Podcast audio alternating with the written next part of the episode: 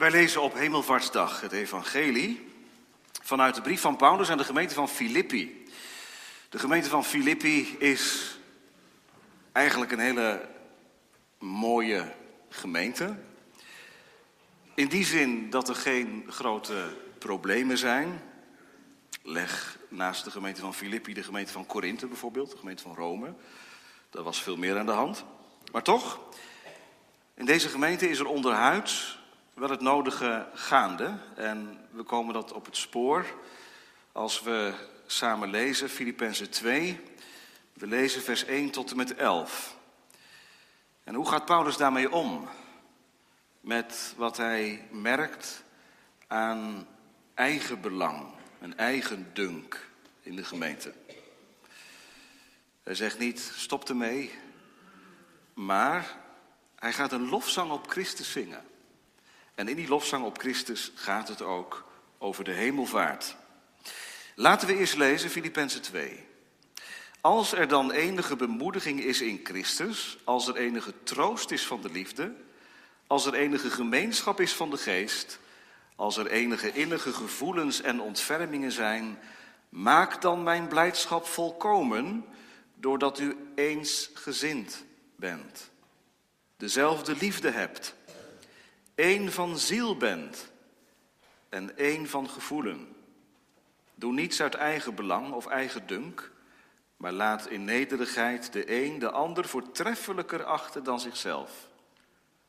Laat een ieder niet alleen oog hebben voor wat van hemzelf is, maar laat een ieder ook oog hebben voor wat van anderen is.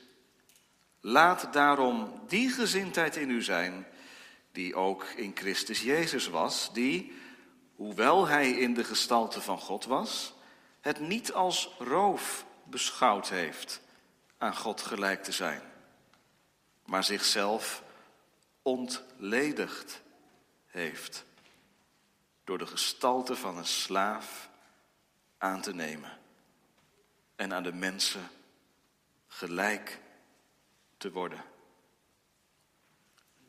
En in gedaante als een mens bevonden, heeft hij zichzelf vernederd en is gehoorzaam geworden tot de dood. Ja, tot de kruisdood. Daarom heeft God hem ook boven mate verhoogd.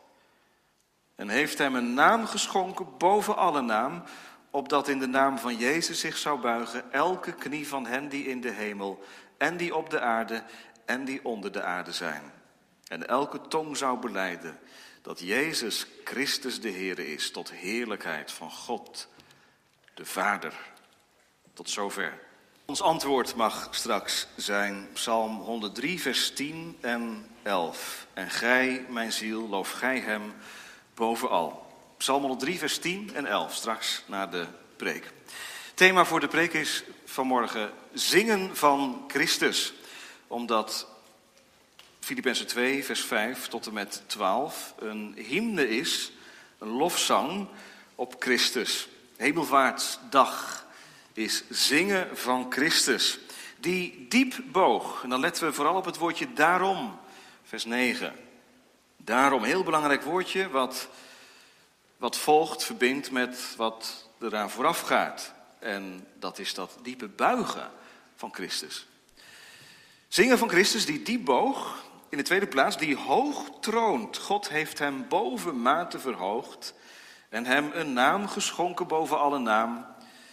En dan tot slot die eeuwig regeert. Dat is vers 10 en 11.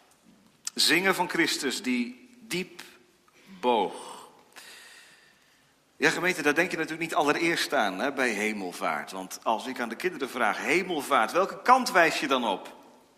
Bij hemelvaart, wijs je dan naar rechts of naar links of naar beneden? Nee, natuurlijk niet, dan wijs je omhoog, hè? Ja, omhoog. Zo staat het ook in Lucas 24, dat de Heer Jezus weggegaan is van, van zijn discipelen, naar boven gegaan is tot een wolk, hem aan het gezichtsveld onttrok. Hij is opgevaren, hij is opgenomen Zo staat het ook in Lucas 24. Opgenomen in de hemel. Er wachtte iemand op hem. Vader wachtte op de terugkeer van zijn zoon. Nee, niet de verloren zoon, maar de enige zoon. Dat accent van dat verhogen zit ook in Filippenzen 2, vers 9. Hemelvaart is, vers 9, verhoogd worden. God verhoogt zijn zoon. Waarom? Waarom verhoogt God zijn zoon? Ja, zegt iemand, dat is toch logisch, want je hebt eerst kerst en dan heb je Goede Vrijdag, dan heb je Pasen en dan heb je hemelvaart. Ja, dat, is de, dat zijn de schakels van, van de ketting van het heilswerk van Christus. Het een is met het ander verbonden en je ziet het hier heel mooi terugkomen. Dat je hemelvaart niet los kunt koppelen van wat eraan vooraf ging is een beetje risico dat we lopen, denk ik, in de kerk. Dat we alle helsfeiten apart gaan behandelen. Met kerst hebben we het over kerst. Ja, tuurlijk. Goede Vrijdag, Pasen, Hemelvaart. Maar het is heel bijbels om de, verbindingslijnen aan te geven. En ik heb vanmorgen een hele mooie gelegenheid om dat te doen. Aan de hand van Filippenzen 2. Degene die neergedaald is, zegt Paulus in Efeze 4, is dezelfde die ook opgevaren is ver boven alle hemelen. En nou moeten we even kijken naar mijn hand. Degene die neergedaald is, is dezelfde die is opgevaren naar de hemel. Wat voor beweging maak ik? Je zou hem kunnen tekenen in je schriftje. Wat voor beweging? De U. Dat is de beweging die Paulus in deze lofzang tekent. Het begint heel hoog, want Jezus, vers 6, was in de gestalte van God. Hij was aan God gelijk, heel hoog. Hij was rijk.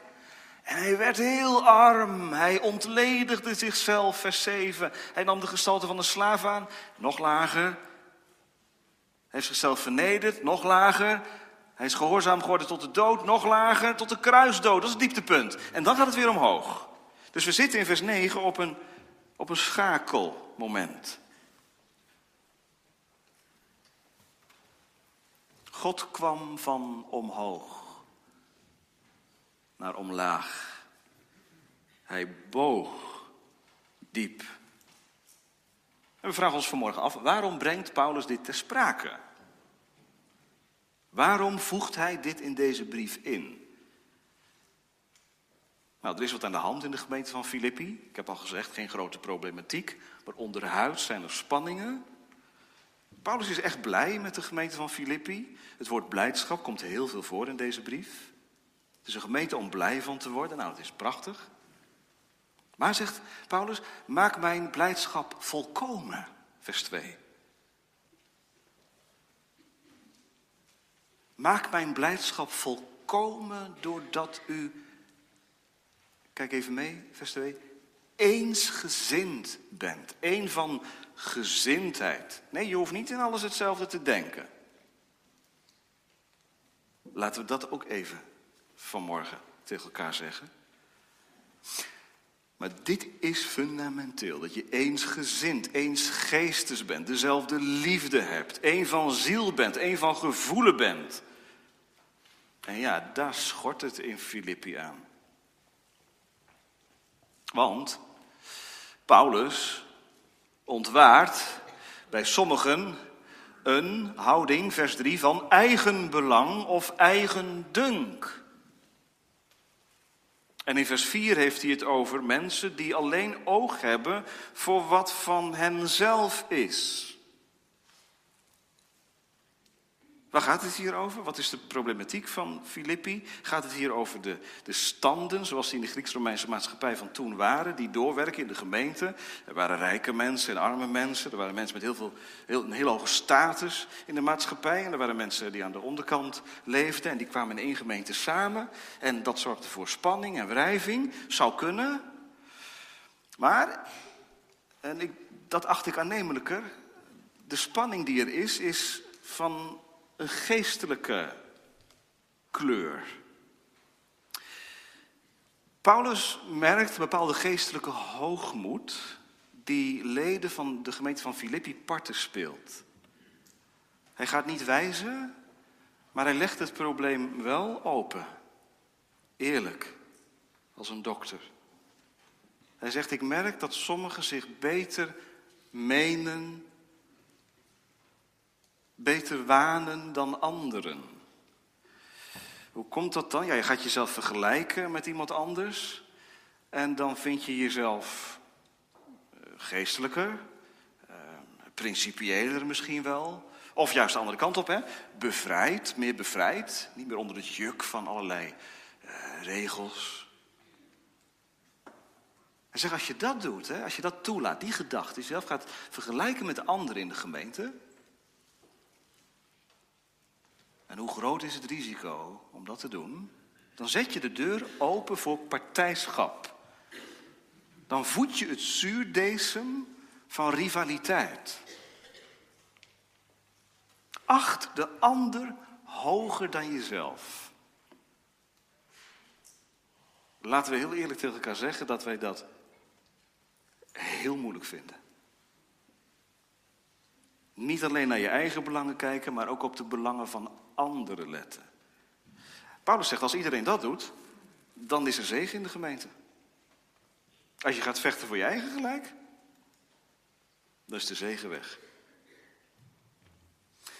Maar hoe pakt hij dit probleem nou aan? Zegt Paulus, stop daarmee. Jullie moeten dus ophouden met jezelf vergelijken met anderen. Wees nou lief voor elkaar. Wees eensgezind. Nee. Paulus hangt hier niet de moraalridder uit. Die zegt, en jullie moeten nou dit en jullie moeten nou dat. Maar dan komt hij in vers 5 met Christus. En dat is zo mooi. Laat, zegt hij. En dan zegt hij, dat zegt hij tegen iedereen. Ik mag het vanmorgen ook tegen iedereen zeggen. Laat die gezindheid in u zijn die ook in Christus Jezus was. Het gaat over je gezindheid, over je houding. Wat is dat, kinderen? Wat is een gezindheid? Dat is de innerlijke houding waarmee je in het leven staat. Waardoor je dingen zegt of doet of niet doet en niet zegt. Het is een levenshouding. Een manier van je verhouden tot anderen. Laat de gezindheid van Christus in u zijn. Christus is het voorbeeld. Wat heeft hij gedaan? Ging hij omhoog? Nee, hij ging eerst omlaag voordat hij omhoog ging. Hij daalde af. Hij was aan God gelijk, maar heeft dat niet uitgebuit. Hij heeft zichzelf vernederd. Hij is op hetzelfde niveau als jou en mij gekomen. Hij is één van ons geworden. Hij heeft tussen ons gewandeld en is met ons omgegaan, aan tafel gezeten. Ja, meer dan dat. Hij is zelfs onder jou en mij gaan staan. Want hij heeft zichzelf vernederd toen hij mens was, tot de kruisdood aan toe. De meest smadelijke, vervloekte dood. Dat heeft Jezus gedaan. Terwijl hij toch het volste recht had om boven ons te blijven staan. Nee, hij ging naast ons staan. Nee, hij ging onder ons buigen. Dieper dan wie ook maar gebogen heeft in zijn leven. Waarom, gemeente? Waarom? En waarom moeten wij dit horen op hemelvaart? Want wij willen allemaal omhoog kijken. Dan zegt Paulus eerst even omlaag kijken.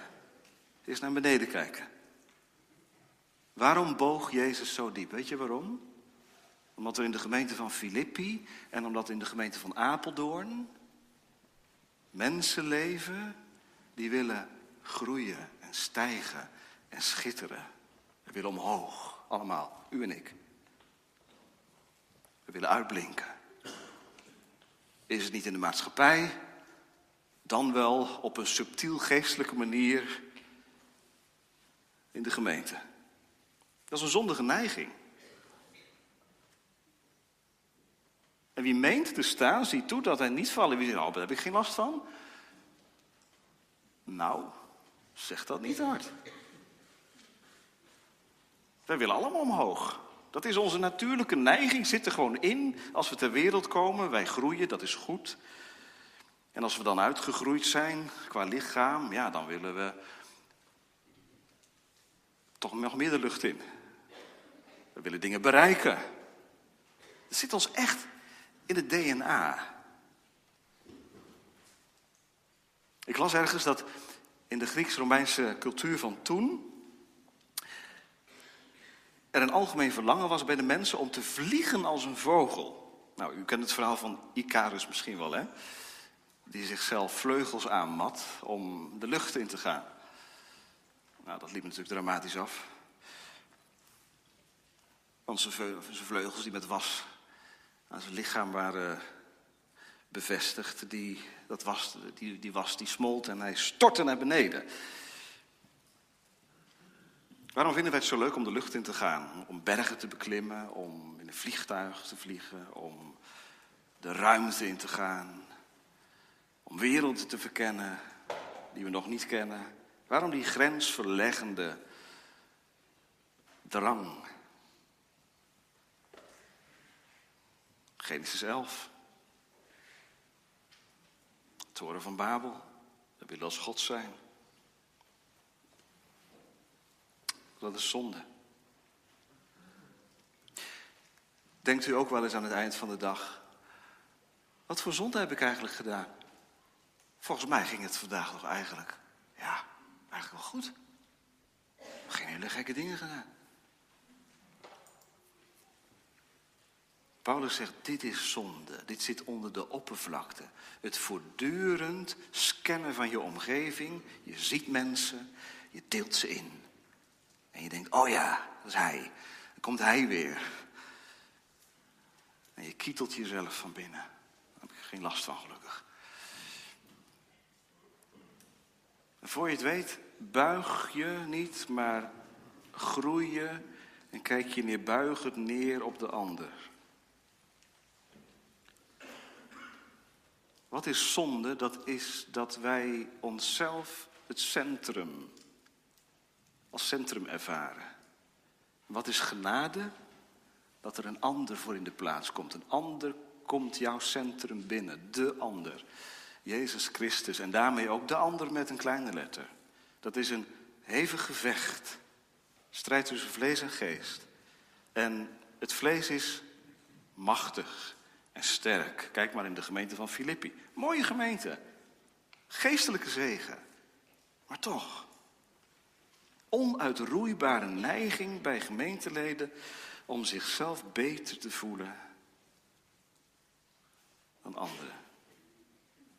Gemeente, als Christus dat had gedaan, hè, als hij zichzelf als God had gedragen en God en als God had opgesteld en niet mens was geworden, waren u en ik er niet meer geweest.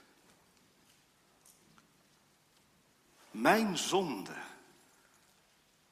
ook die akelige, subtiele zonde van mijn gedachten,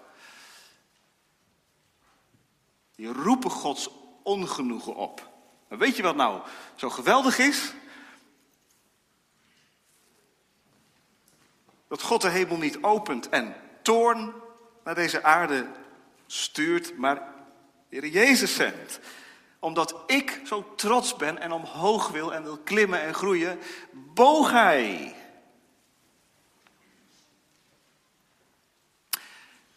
Hebt u misschien iets gezien van de, van de kroning van koning Charles, de Westminster Abbey?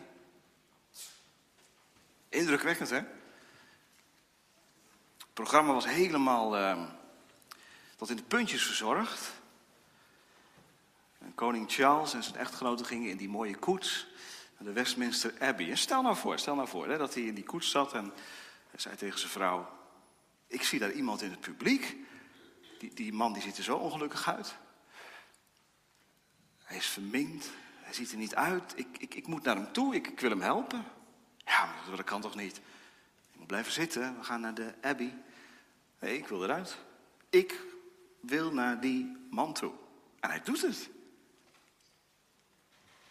Hij stapt uit de gouden koets. En hij wandelt naar de dranghek en hij zet ze aan de kant en hij loopt naar die man toe. Iedereen verbaasd natuurlijk, wat is dit nou? En hij buigt zich over die man heen. En hij toont interesse, hij, hij stelt vragen en Charles heeft hem gezien als een man die hulp nodig heeft. En deze man laat zich helpen. Nou, gebeurt natuurlijk niet, hè? Het is natuurlijk een fabeltje. Want dit past niet in het programma. Gemeente Godsprogramma, als ik het zo mag zeggen. Godsprogramma, dat is, God heeft hem verhoogd nadat hij hem eerst heeft vernederd. Hij buigt zich over meneer. Dat doet hij vanmorgen, nu, onder de verkondiging van het woord. Hij buigt zich over trotse zielen, hoogmoedige harten. En hij zegt tegen je, ik wil je dienen. Ik wil je dienen met liefde en genade, waardoor die trots gebroken wordt. Je sterft aan jezelf. En Christus het centrum wordt van je leven. Zou je dat niet willen? Jij uit het middelpunt, Hij in het centrum.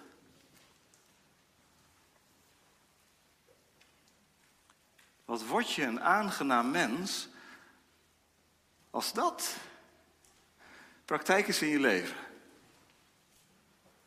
Dat je het vermogen hebt om te blijven zeggen, ook vandaag, ik ben een zondaar. Maar hij zag op mij neer en hij redde mij. Ik leef van zijn ontferming, van zijn buigen. Als je zelf een beetje beseft van wat voor schuld je verlost bent, word je ook wat milder voor de ander. Nee, dat gaat niet vanzelf. En daarom zegt Paulus, kijk naar wat Christus gedaan heeft. En vanmorgen zeg ik het tegen u en tegen mezelf, kijk naar wat Christus gedaan heeft. Hij heeft gebogen, diep gebogen. Ik moet het scherp krijgen vanmorgen. Eerst boog hij om de zonde te verzoenen, om de zonde uit te delgen, om de toegang tot de Vader te ontsluiten. En, en ja, dan, daarna, daarom heeft God hem verhoogd.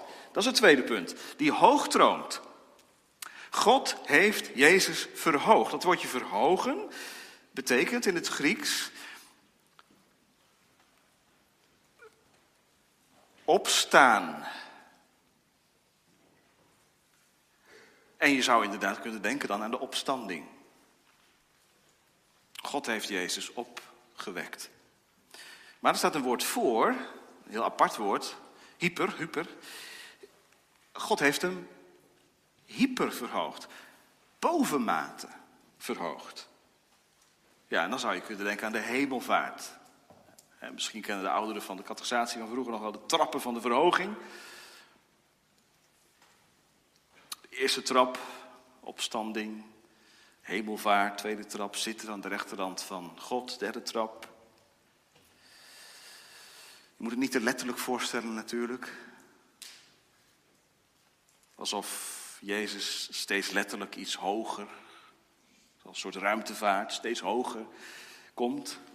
Nee, het gaat hier over de positie van Jezus. God heeft zijn zoon een bovenmate hoge positie gegeven.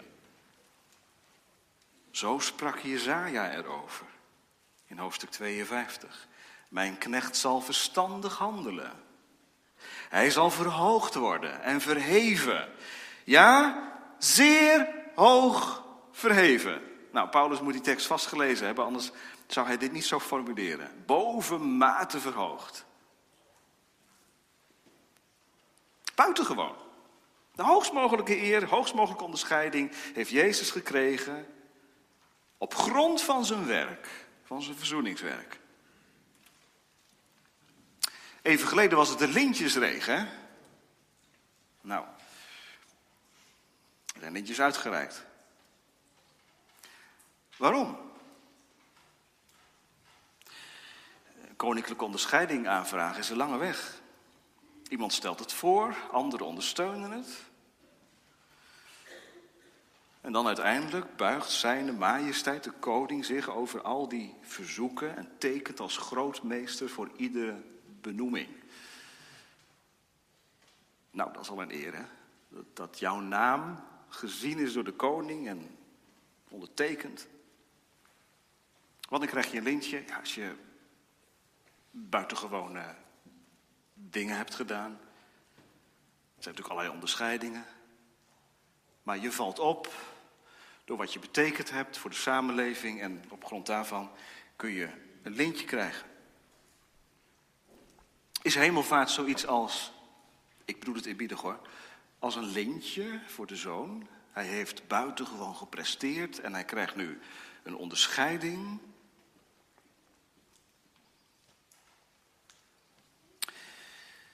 Nee, dat zou te kort door de bocht zijn. Dan, dan heb je de tekst nog niet helemaal begrepen. God heeft Jezus bovenmate verhoogd. Dat betekent hier dat de Vader akkoord is met wat de Zoon gedaan heeft.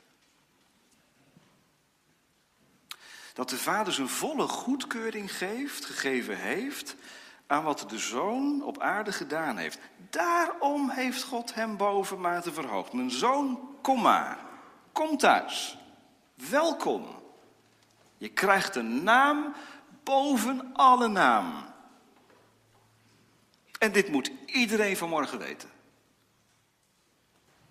U hebt natuurlijk ook gelezen van dat uh, miljoenentransport. Vorige week geloof ik. Die uh, miljoenen of miljarden euro's die verplaatst moesten worden van Den Haag naar Zeist. Het diepste geheim is het allemaal gebeurd. En toen alles achter de rug was, kwam er een video online waarin te zien was dat wat van die, van die geldwagens uh, Zeist binnenrijden. Nou, daar ligt het nu. Al die miljarden euro's, maar u kunt er niet bij en ik kan er niet bij. Streng bewaakt. Maar gemeente, dat is met Christus niet zo. God heeft Jezus, zijn zoon, boven mate verhoogd. Lees nu verder. Dat is niet alles, de deur gaat niet dicht, nu gaat de deur open vanmorgen. Hij heeft hem een naam geschonken, boven alle naam. Wanneer krijg je een naam? Waarom heb je een naam? Ja, om, om aangeroepen te worden, zodat je onderscheiden kunt worden van anderen. Stel dat we geen namen zouden hebben. Ja, hij, jij daar met die rode trui. Nee, ik bedoel die andere rode trui. Je hebt een naam. Christus heeft een naam. Kinderen, dat is zo rijk, zo rijk. Jezus heeft een naam gekregen, je kunt hem kennen. Ik had er met mijn dochter een mooi gesprekje over vorige week. Aan tafel, nou, een stukje uit de Bijbel. En toen ging het over, ja, hoe kun je Jezus nou kennen? Ja, ik ja, zoals wij elkaar kennen, ik, jij en jij mij. Wij kennen elkaar omdat we elkaar zien en omdat we met elkaar praten. Ja, dat is natuurlijk bij Jezus wel anders. Want je ziet hem niet. Hoe kun je hem nou kennen? En toen zei ik, ja, maar hij heeft een naam. En omdat hij een naam heeft, kun je hem leren kennen. Hij stelt, zich, hij stelt zichzelf aan je, voor, aan je voor. Ik heb een naam. En een naam mag je aanroepen.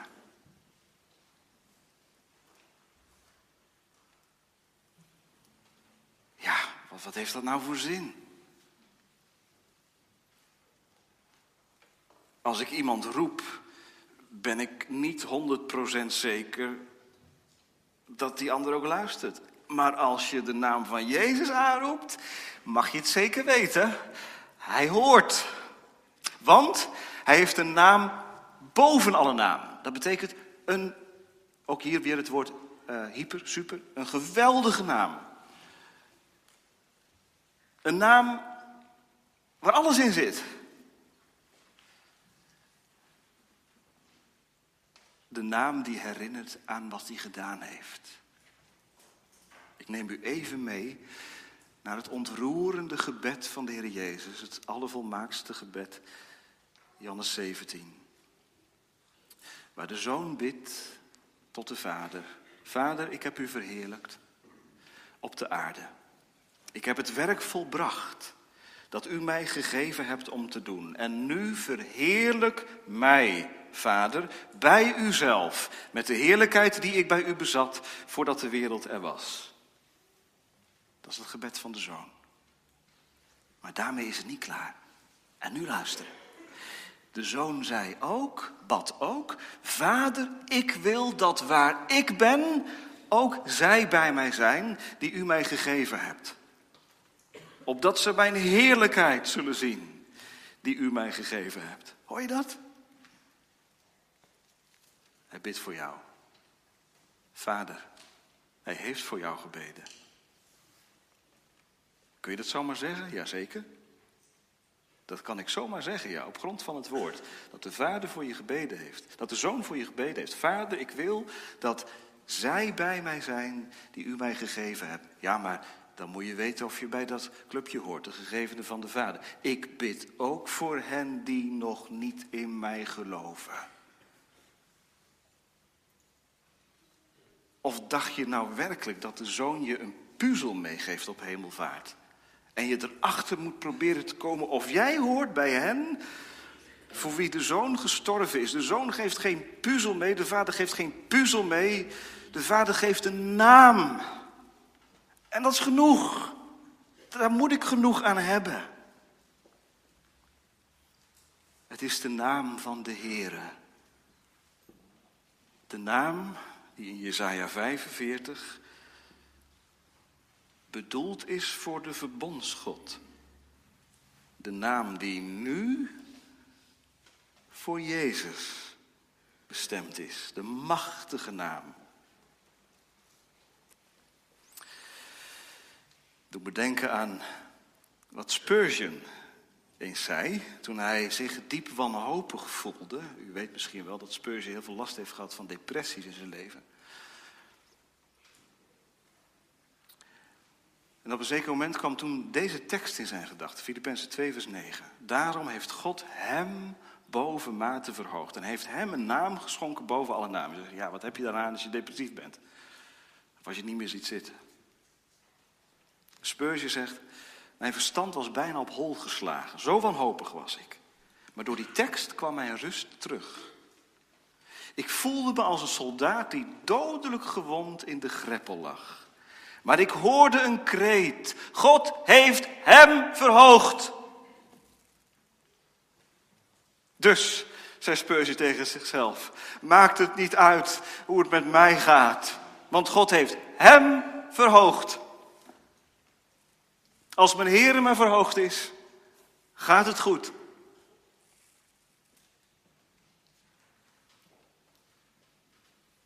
Hij gebruikt nog een voorbeeld uit de tijd van Napoleon.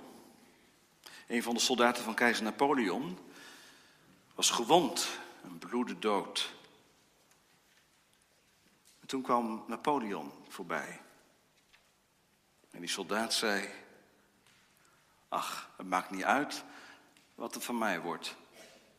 De keizer, Napoleon, is veilig. Spurgeon zegt: Zo voelde ik mij. Als hij leeft en regeert is het goed. De mensen mogen tegen me tekeer gaan, de duivel kan schelden. Maar wat maakt het uit zolang hij verhoogd is? Jezus heeft een naam, geschonken door de Vader, boven alle naam. En die naam draagt je heiland, je lust en je lied. Even tussendoor. Als je nou moeite hebt met de naam van iemand in deze gemeente. Je hoort de naam van die persoon en er gebeurt wat. Kun je hebben. Komen allerlei niet zulke fraaie gevoelens boven als je een naam hoort van iemand. Kan. Zit samen aan één tafel. Toch is er bitterheid. Nou, dat speelde ook in Filippi, hè? Als je die naam hoort, irritatie, spanning op de lijn. Weet je wat Paulus dan zegt? Niet, niet meer aan denken.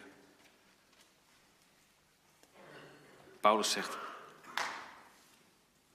Jezus heeft een naam. Denk aan die naam. Zo vaak je denkt aan die ander die bittere gevoelens bij je oproept. Denk aan de naam van je zaligmaker. Roep zijn naam aan. Zing zijn naam en verbind de naam van je ergste vijand met deze naam. We gaan door. We eindigen met het laatste.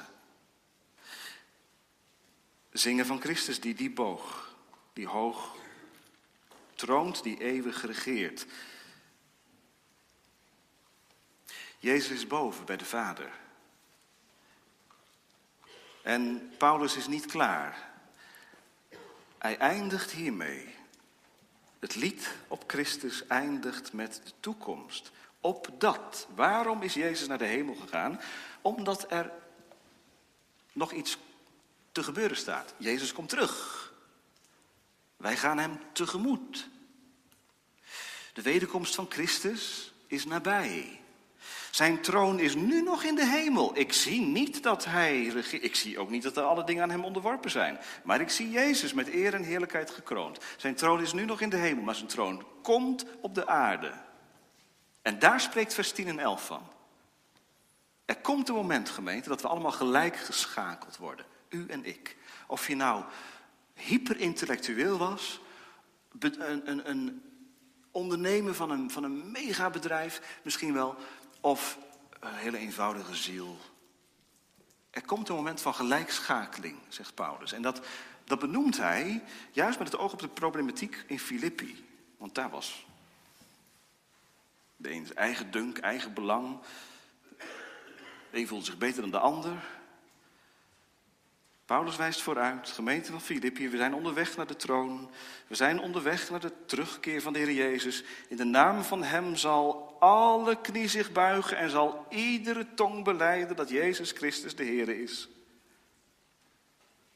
Daar gaat het heen. Daar gaat het naar heen. Alle knie, iedere knie. Dat is een symbolische manier van zeggen. Als je je knie buigt, dan onderwerp je je. Door de knieën gaan. Gaat gebeuren hoor. Trouwens, niet alleen van alle gemeenteleden in Filippi, maar van ieder persoon die geleefd heeft op de aarde. Kijk even mee. Iedere knie die in de hemel is, daarmee bedoelt Paulus de geestelijke wereld van de engelen, die nu al hem lof zingen. Zij zullen ook straks erbij zijn. Zij zullen alle eer aan hem bewijzen, de knie buigen. Die op de aarde zijn, dat zijn wij.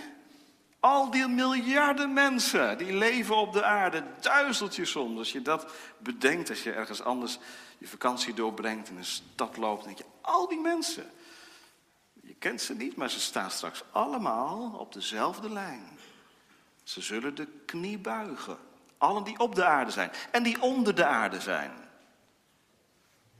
Ik ga mee met die wijze van uitleg die bedoelt allen die reeds gestorven zijn.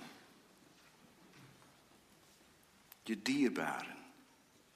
En al die mensen die wat voor manier ook ter dood zijn gekomen, ze zullen de knie buigen. En hun tong zal beleiden. Het is niet alleen met de knieën knikken, maar er gaat ook iets gebeuren. Ze zullen het gaan zeggen, ze zullen het gaan uitzeggen. Hij is Heere, Hij is Messias. Jezus Christus is koning. Hoe vind je dat als je dat hoort vanmorgen? Vind je dat, vind je dat spannend? Vind je dat eng? Nou, dat mag je best spannend vinden als je Jezus niet kent. Dan is er vandaag de gelegenheid, de mogelijkheid, maar ook de noodzakelijkheid om Hem aan te roepen om voor Jezus te buigen. En Hem te beleiden als Heer. Wend je naar mij toe en word behouden. Alle einden der aarde, al ben je boos op God. Wend je naar mij toe, want ik heb gebogen voor jou. Ik boog zo diep dat ik onder jou kwam. En nu ben ik thuis bij de Vader, maar ik ben er tot je heil en tot je geluk. Beleid mij, voordat je het zult moeten doen. En de bergen en de heuvels geen bedekking kunnen bieden vanwege de toorn van het lam. Er zullen mensen zijn die die straks door de grond willen zakken en niet door de grond zakken.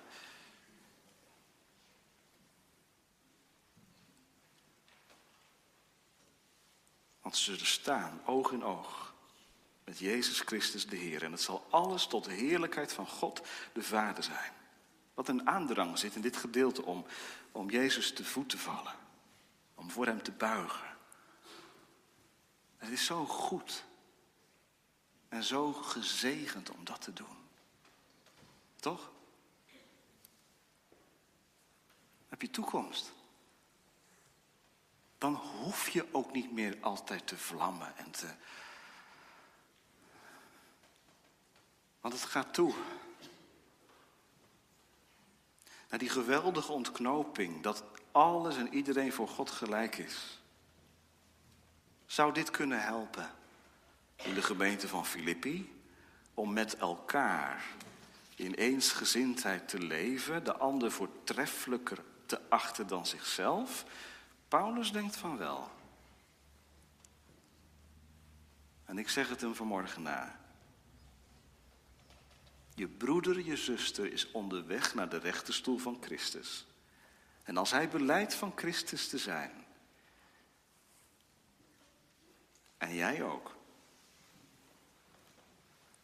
kijk dan niet te veel naar elkaar, maar vooral naar Hem, die je broeder en jou heeft liefgehad en gered heeft van de dood. En tot de tijd dat Christus terugkomt, bid ik, en laten we het samen doen, regeer ons door uw geest en woord. Zodat we straks samen Hem beleiden als Here. Straks Hem beleiden, nu Hem lof zingen. Loof de Heere mijn ziel en al wat binnen in mij is zijn heerlijke, heilige naam. Amen.